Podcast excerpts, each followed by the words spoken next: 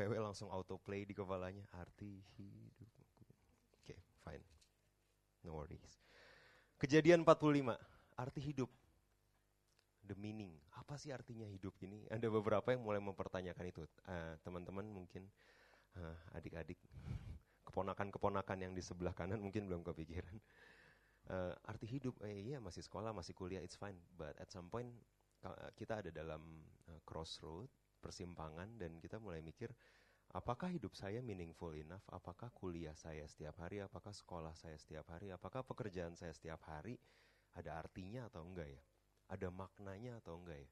So di bulan ini di mana kita akan bicara purpose and perseverance, di mana kita akan belajar bahwa ada purpose Tuhan, bahwa also it also takes perseverance from your side untuk bisa sampai ke purpose Tuhan. Amin.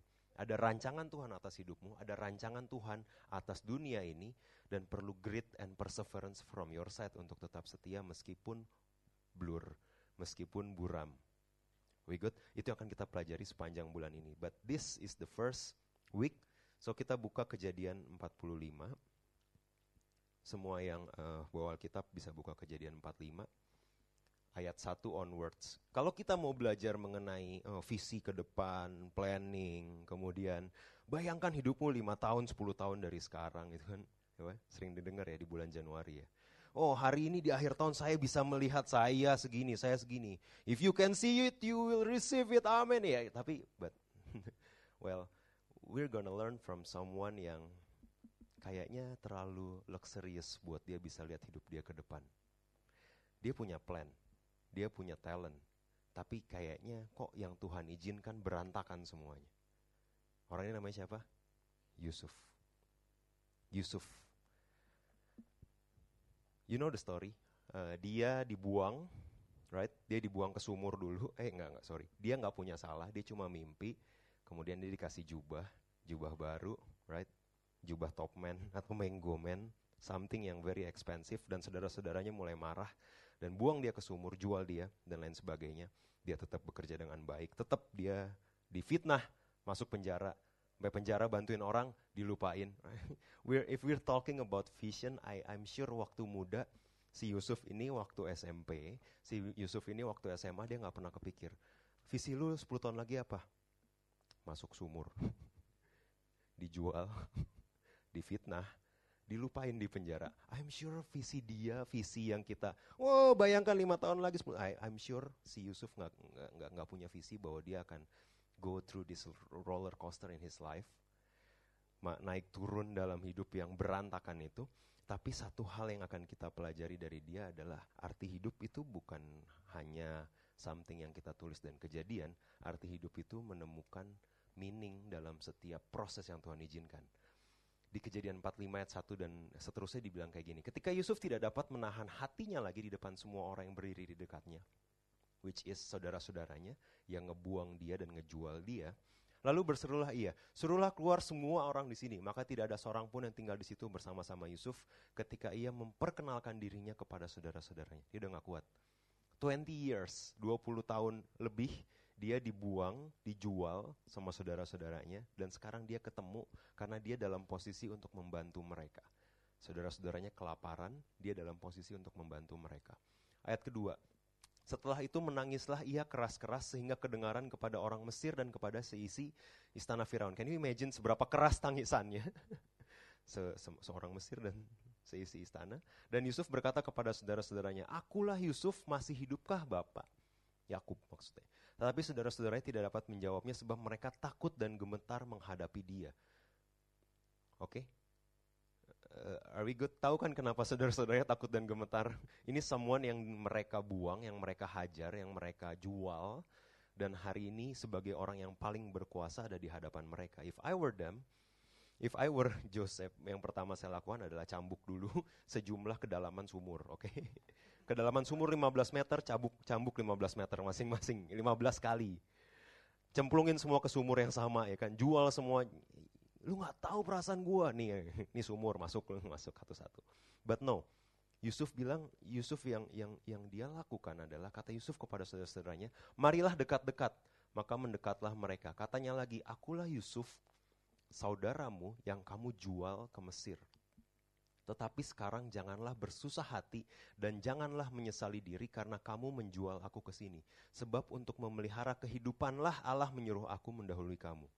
Supaya kamu, supaya bangsa Israel stay alive. Allah mengizinkan aku duluan ke Mesir. This guy find his meaning in life meskipun visi dia nggak tercapai loh. Visi dia, keinginan dia nggak tercapai, rencana dia berantakan. But no, he still find meaning in life ketika dia bilang, enggak, enggak, I now I understand. Memang Tuhan yang ngizinin supaya aku nyampe duluan. Supaya pas kelaparan, I can help you guys. Ayat 6, karena telah dua tahun ada kelaparan dalam negeri ini dan selama lima tahun lagi orang tidak akan membajak atau menuai. Maka Allah telah menyuruh aku mendahului kamu untuk menjamin kelanjutan keturunanmu di bumi ini dan untuk memelihara hidupmu sehingga sebagian besar daripadamu tertolong. Jadi bukan kamu yang menyuruh aku ke sini, tetapi Allah. Dialah yang telah menempatkan aku sebagai bapa bagi Firaun, guys, bapa bagi Firaun, dan tuan atas seluruh istananya dan sebagai kuasa atas seluruh tanah Mesir. This guy uh, bukan tangan kanan Firaun, for your information. This guy is advisernya Firaun. Dia punya kuasa atas seluruh istana dan seluruh Mesir. Dan, dan, dan semua kejadian buruk yang dia alami waktu dia muda, 20 tahun terakhir, dia sadari it brings him to this point bahwa dia bisa jadi berkat buat orang lain. Eh, dia nggak bisa ngomong ini ketika dia di sumur, nggak bisa. Dia bisa bilang nggak? Oh iya saya di sumur. Wait. Tapi 15 tahun lagi saya berkuasa. Oh enggak, enggak, enggak. I'm sure dia nggak punya all of his plan laid out clearly in front of him. Enggak. Waktu dia di sumur dia cuma lihat apa? Kecoa dan batu. Of course. Karena cuma ada kecoa dan batu di sumur. Dia nggak bisa ngelihat semuanya apa? Buram buat dia. Of course, of course, di sumur. Ketika dia setia melayani di rumah Potifar, dan ketika dia uh, tuannya melihat dia setia, talented dan lain sebagainya, dia mulai oh, oh ini jangan-jangan ini ini jawaban Tuhan ya enggak. Saya masuk sumur supaya saya bisa masuk rumah Potifar, right? Supaya saya, jadi, saya bisa jadi tangan kanan jenderal terbesar tangan kanan orang perwira paling hebat di Mesir. But then tante happen. But then dia difitnah again. Sebuah godaan yang dia nggak jatuh, dia difitnah, dia masuk penjara. Right? Apakah di penjara dia bilang, oh iya ya saya tahu kok. Saya udah baca skenario-nya. Jadi habis masuk penjara, ntar saya dilupain dulu. Baru Firaun mimpi, baru saya jadi penguasa. Do you guys think dia tahu hal ini? No. Dia nggak found his meaning laid out clearly. Oh, lima tahun lagi di penjara sebentar, tapi enggak, enggak, enggak, enggak. Semua blur. But one thing, his, he, satu hal yang kita akan pelajari dari hidup Yusuf hari ini adalah jangan-jangan berencana itu bagus. Rancangan punya rancangan atas hidupmu ke depan, it is totally necessary, harus. Tapi jangan-jangan kalau berantakan pun, we are still good. Karena rancangan hidup kita, purpose hidup kita, purpose Tuhan atas dunia ini pasti terjadi dengan kamu atau tanpa kamu. Dengan merik atau tanpa merik, purpose Tuhan atas NLC tetap terjadi. Kalau Tuhan ngizinin Merik pelayanan, it's a privilege buat Merik. That's how I think about NLC. Hey, kalau nggak ada dia bubar. Wih, siapa lu Tuhan? right? Right? Ada kamu nggak ada kamu, Tuhan tetap bekerja. Sorry, it's His God. Halo? Dia bisa pakai batu buat ngomong. Dia bisa pakai keledai buat ngomong, gantiin Merik. Weh, tau-tau masuk gitu. Is that keledai? No, it's that's kambing, right? But dia bisa pakai domba tiba-tiba masuk dan bicara and and everything else. My point is that you are not you are special in God's eyes, but you're not that special. Kalau Tuhan kasih kamu kesempatan pelayanan, kalau Tuhan tempatin kamu di tengah badai, kalau Tuhan tempatin kamu di tengah keluarga yang berantakan, because there's a purpose from God yang harus kamu kerjain di sana. We good, rancangan hidup ditentukan oleh Tuhan. Manusia berencana Tuhan menentukan. Purpose-nya Tuhan pasti terjadi dengan kamu atau tanpa kamu. Kalau kamu hari ini diundang untuk melayani, mencapai purpose itu, it's a privilege. Tapi arti hidup kamu yang tentuin sendiri. Hidup kamu berpikir nih, hidup saya meaningful atau enggak hidup gue meaningless. Itu your choice. Itu pilihan kamu. Itu pilihan kita untuk melihat hidup kita sebagai sesuatu yang blur dan gak kelihatan atau lihat hidup kita sebagai ah ya, saya di sumur, but I guess selama saya dekat sama Tuhan it doesn't matter. Halo. Banyak dari kita yang berpikir yang yang berpikir oh saya mau tahu rencana Tuhan. Tuhan nggak pernah ngomong sama saya. Got it? Pacar yang A atau yang B? Kata Tuhan no kamu masih SD kamu harus sekolah dulu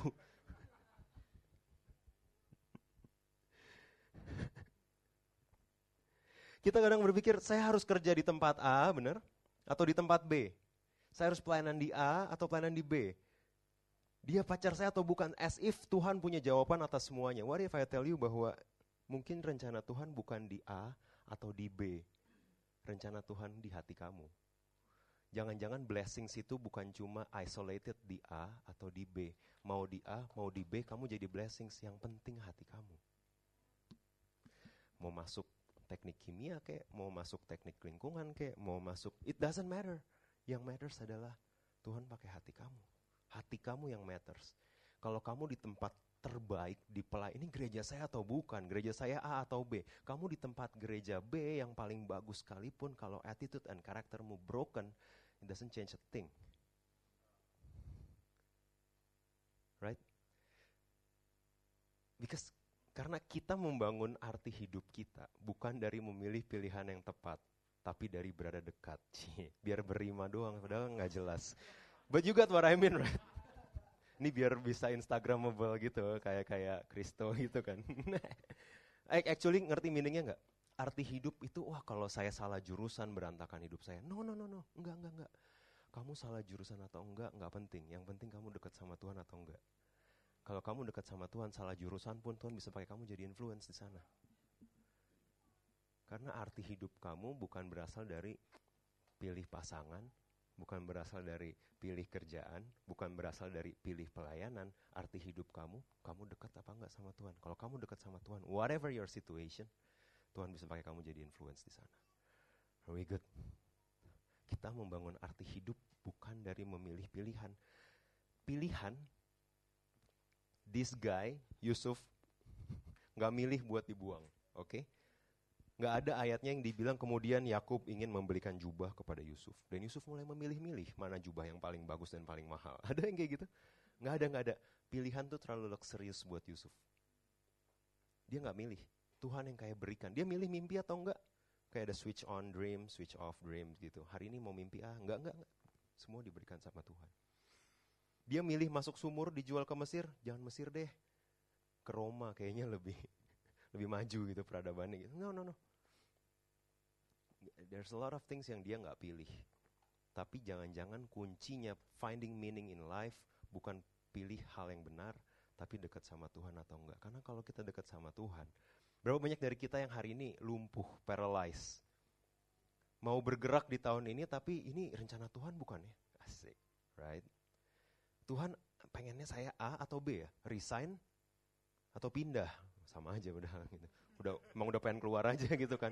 Tuhan saya resign atau pindah loh. Wait, kamu setia di situ, nggak ada nggak ada pilihannya gitu kan. Tuhan si A, Tuhan aku deketin si A atau si B. Tuhan nggak jawab, of course Tuhan nggak jawab. Karena jawaban Tuhan kamu dekat aku dulu.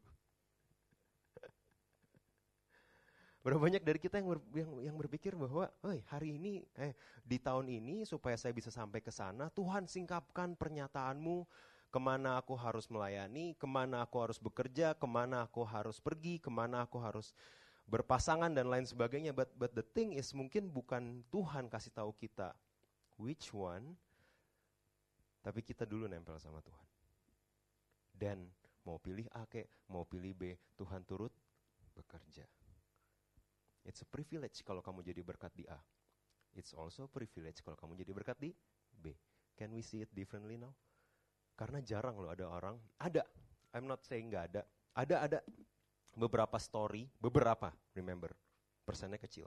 Beberapa story di mana sebuah seorang nabi besar akan datang ke kamu dan bilang, SMA kamu bukan di sini, tapi di Kanada. Kamu kemudian akan kuliah ke London. kamu kerja di Amerika. Woi, itu kayak amin, amin, amin gitu kan.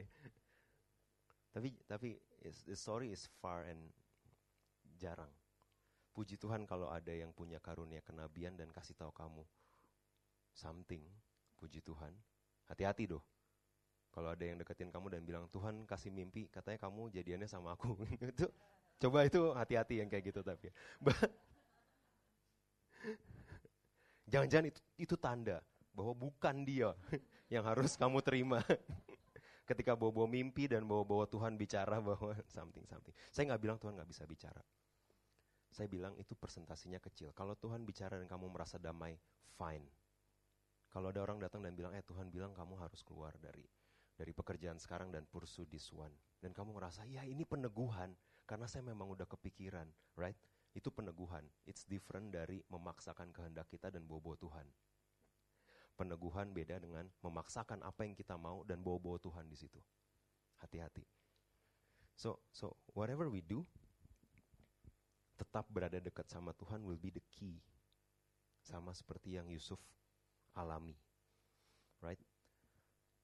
Why is this important?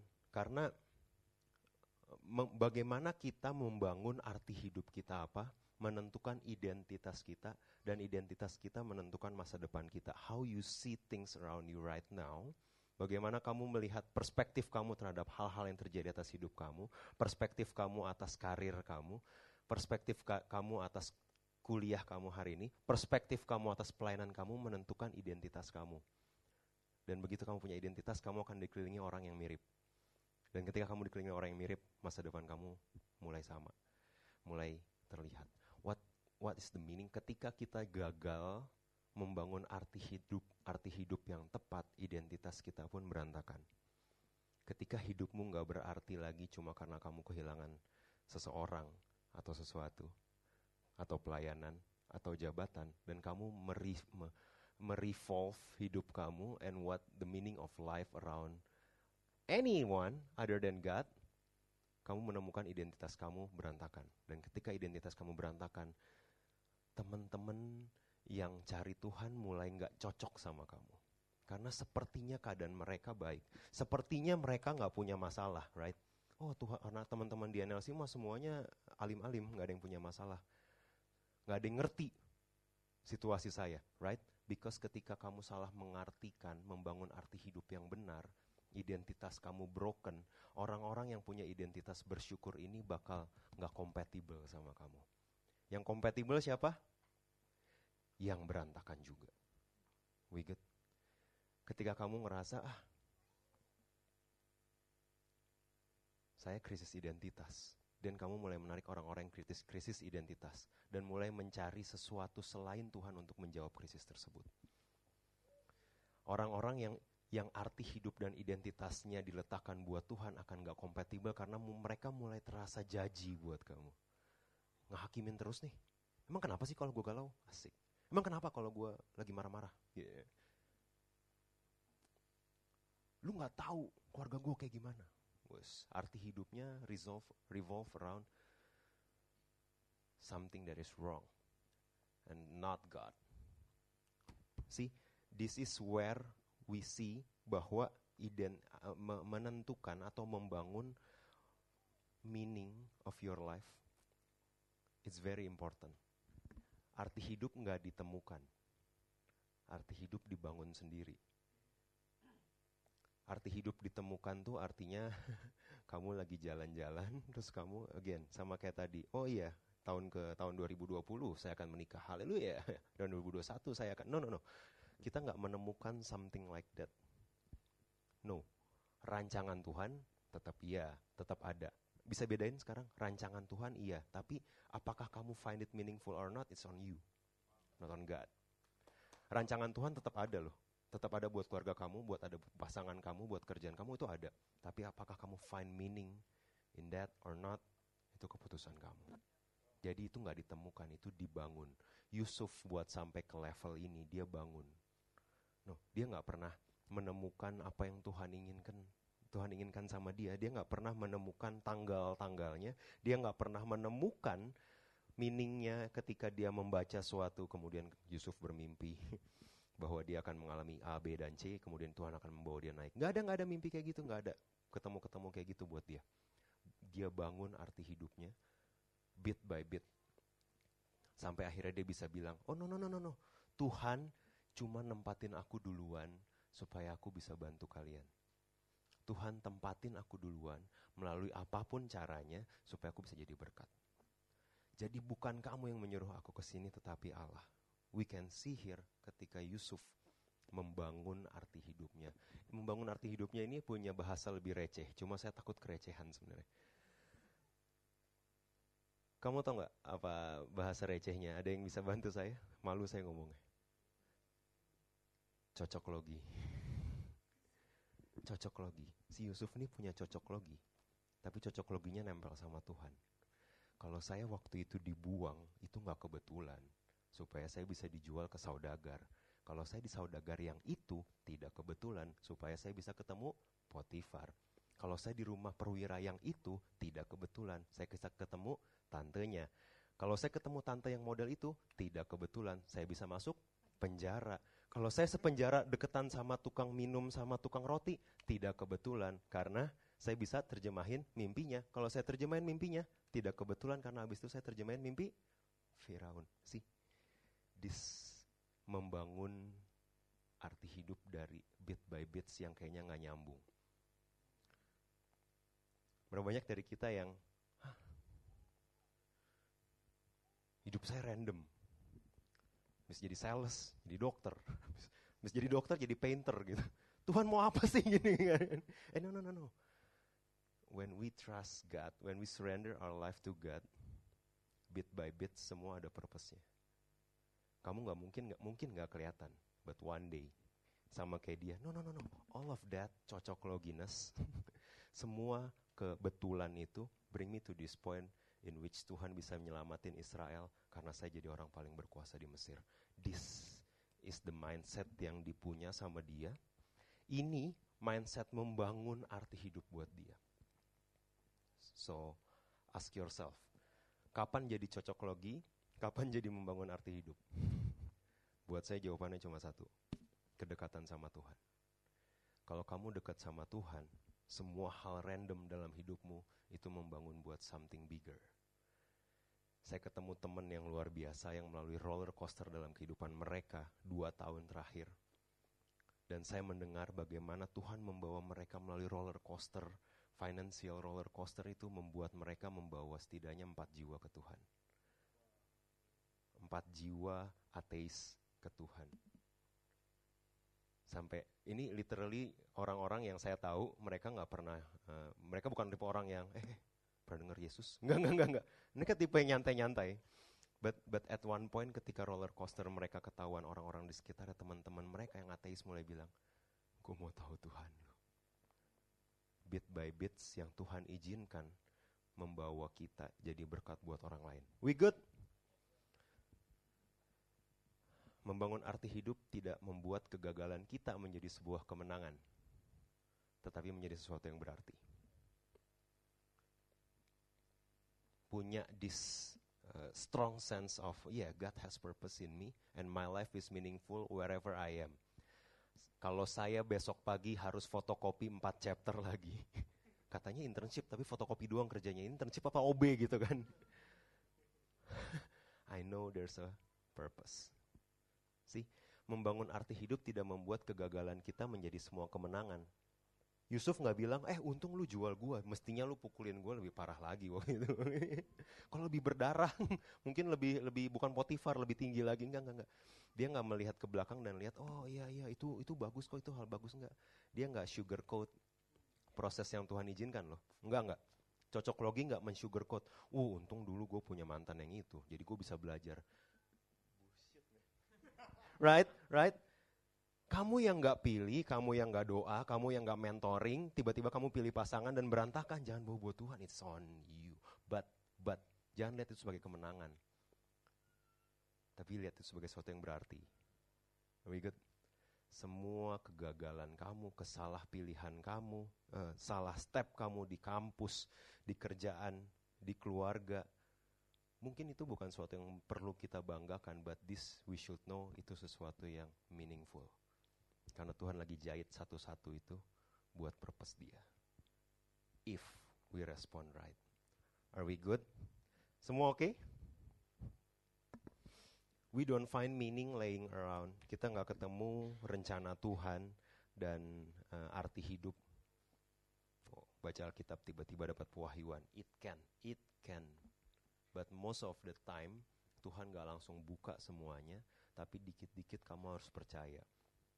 Di lima roti yang ini kamu percaya, di mujizat yang ini kamu percaya, di storm yang ini kamu percaya, then you see. Oh iya, semuanya meaningful. Very good. You don't find meaning laying around. You forge a meaning with your identity as a blessed person. Kamu diberkati atau enggak itu masalah perspektif. Kamu diberkati atau enggak itu masalah perspektif, bukan masalah finansial. Blessings. Mari kita bicara blessing sebentar. Saya diberkati, saya nggak diberkati. Saya mau diberkati di 2019, saya nggak mau diberkati 2019. Apa sih artinya diberkati? Kita touch base dulu. Ini trivia, bonus. Kemarin saya ketemu one of my old, uh, not old, old acquaintance, teman um, kenalan lama, Pastor Rubin Ong, dan dia bilang ke saya bahwa satu hal yang menarik dia bicara soal blessings cepet, tapi it got me. Karena dia bilang berkat itu Artinya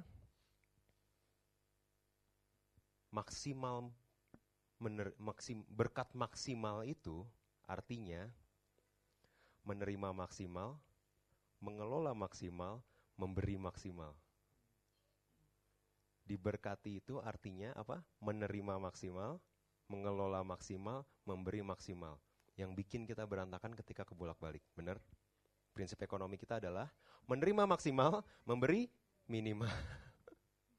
no, no. Dia bilang ketika kamu mau jadi blessings, terima maksimal, kelola maksimal, beri maksimal. That's crazy stuff. Easy to diomongin, hard to live with. But that's what he said about blessings. So, my point is, apa yang jadi keinginan kamu tahun ini? Gimana kalau nggak dapat? Pertanyaannya itu. Apa yang menjadi visi kamu? Your plan tahun ini What if Tuhan izinkan storm terjadi? Can you say that? No, it's fine. Nggak berarti saya nggak bisa kelola maksimal dan memberi maksimal. Right? Last part. Kejadian 48, sorry. Kejadian 48.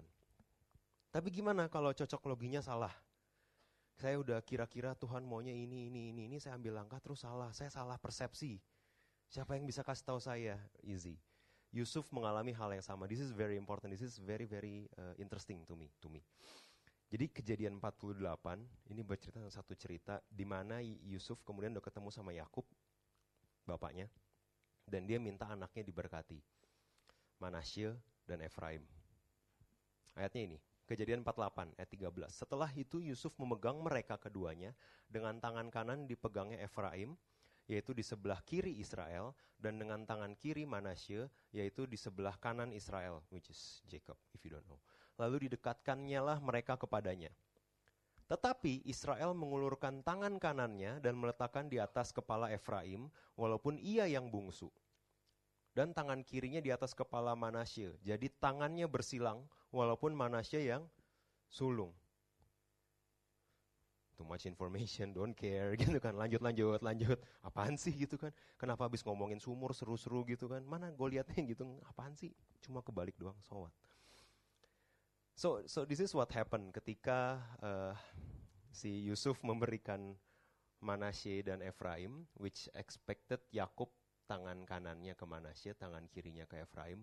Apa yang Yakub tiba-tiba lakukan? Padahal dia udah burem matanya kan. Yang dia lakukan adalah dia balik Tangan kanannya ke Efraim, tangan kirinya ke Manasya. Mind blown. Bodoh amat gitu. terus kenapa gitu kan?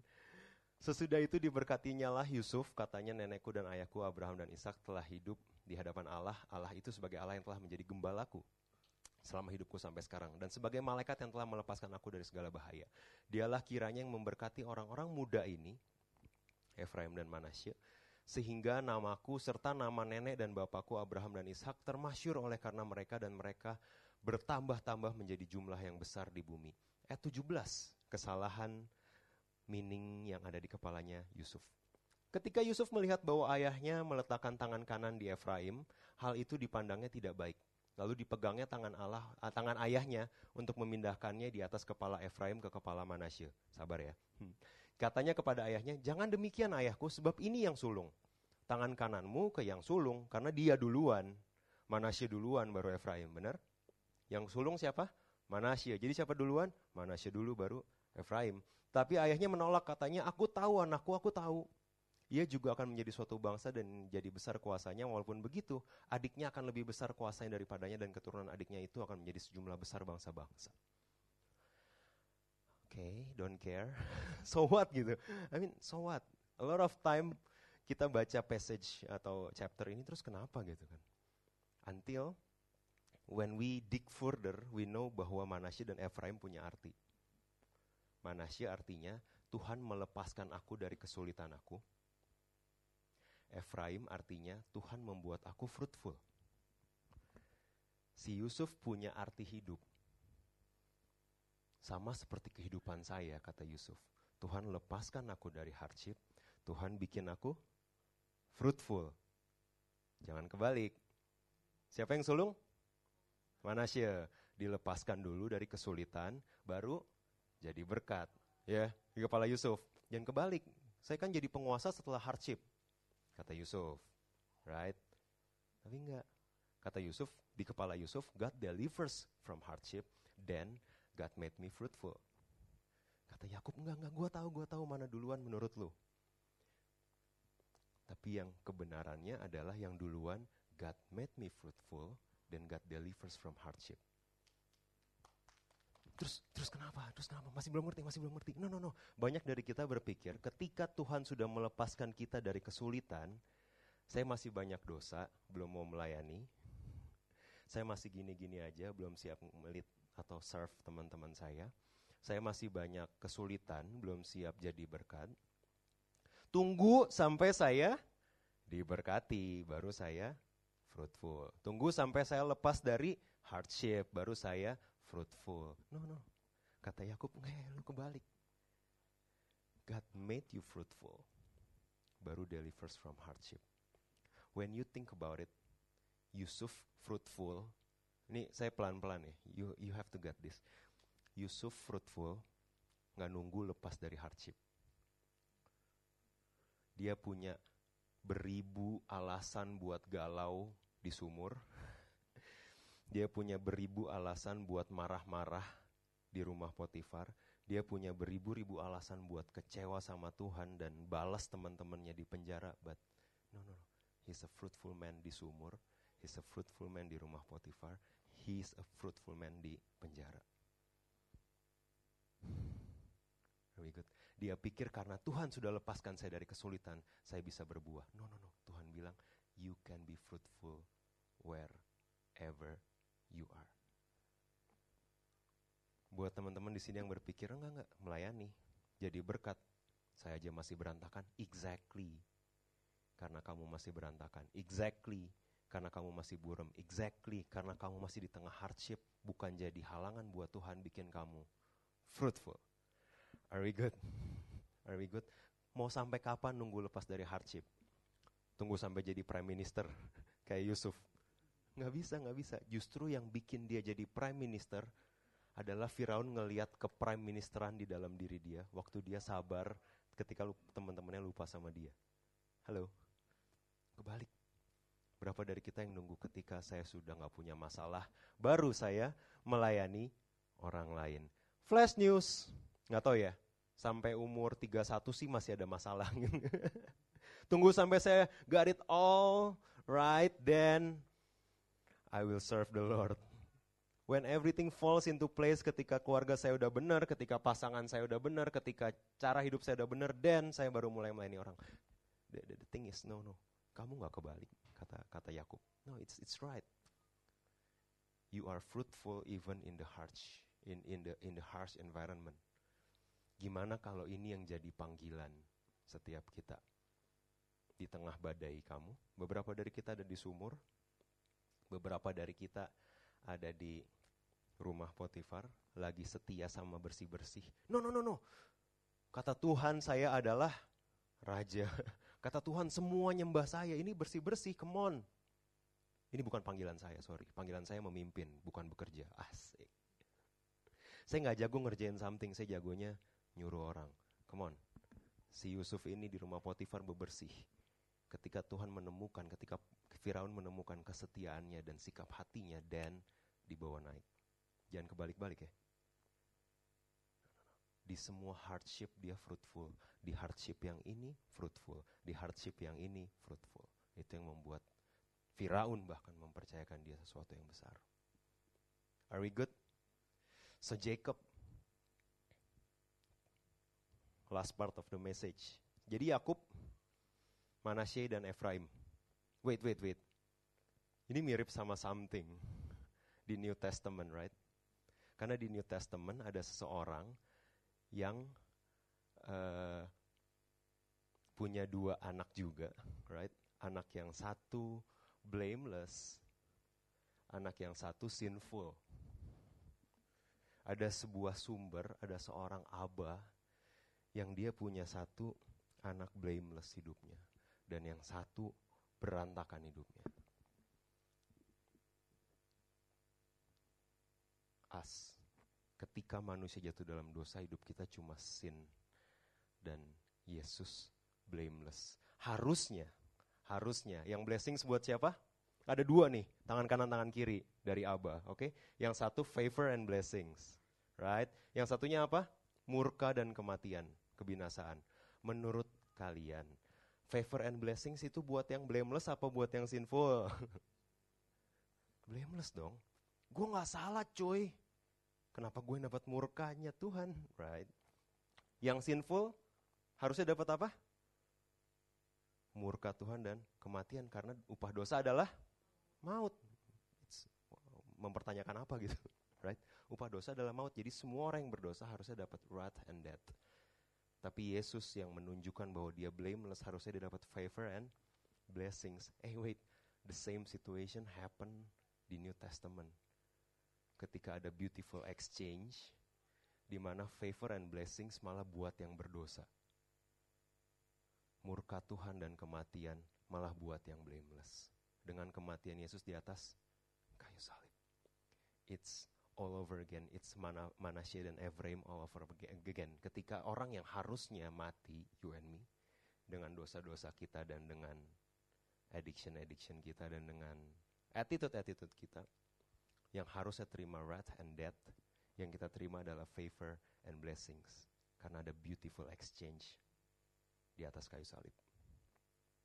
Ketika orang yang blameless itu, no, no, no, no. Kata, dia bahkan nanya loh. Si blameless ini bahkan nanya, Abah, mengapa engkau meninggalkan aku? Halo, wait, wait. Ini kan harusnya for me tapi of course because he's perfect. Dia cuma bilang, no, no, kehendakmu yang jadi. Maka dia menerima semua murka dan kematian. Supaya kita menerima favor and blessings. Masih nanya, hidup kamu meaningful atau enggak? Nih, harganya. For your life to be meaningful. Colek kanan kirinya bilang you are meaningful. I don't care what your mistakes are. I don't care what your past are you are meaningful bukan kamu meaningful bukan karena kamu fruitful. Enggak, enggak, enggak, enggak. Jangan kebalik. Kamu meaningful bukan karena kamu nggak punya hardship, bukan. Kamu meaningful karena ini. Kamu yang harusnya mati, sekarang punya favor and blessings buat hidup, jalanin rancangannya Tuhan. Sebarin kingdom of God. Itu yang bikin kamu meaningful. Karena Tuhan kasih purpose-nya, kasih privilege buat kamu nyebarin kingdom of God. Are we good? Are we good? So our lives already meant to be meaningful when he died on that cross. Ketika Yesus mati di atas kayu salib, hidupmu udah dibuat meaningful. Purposeful. Pertanyaannya, your move, apakah kamu build on it with your choice, with the right response or not?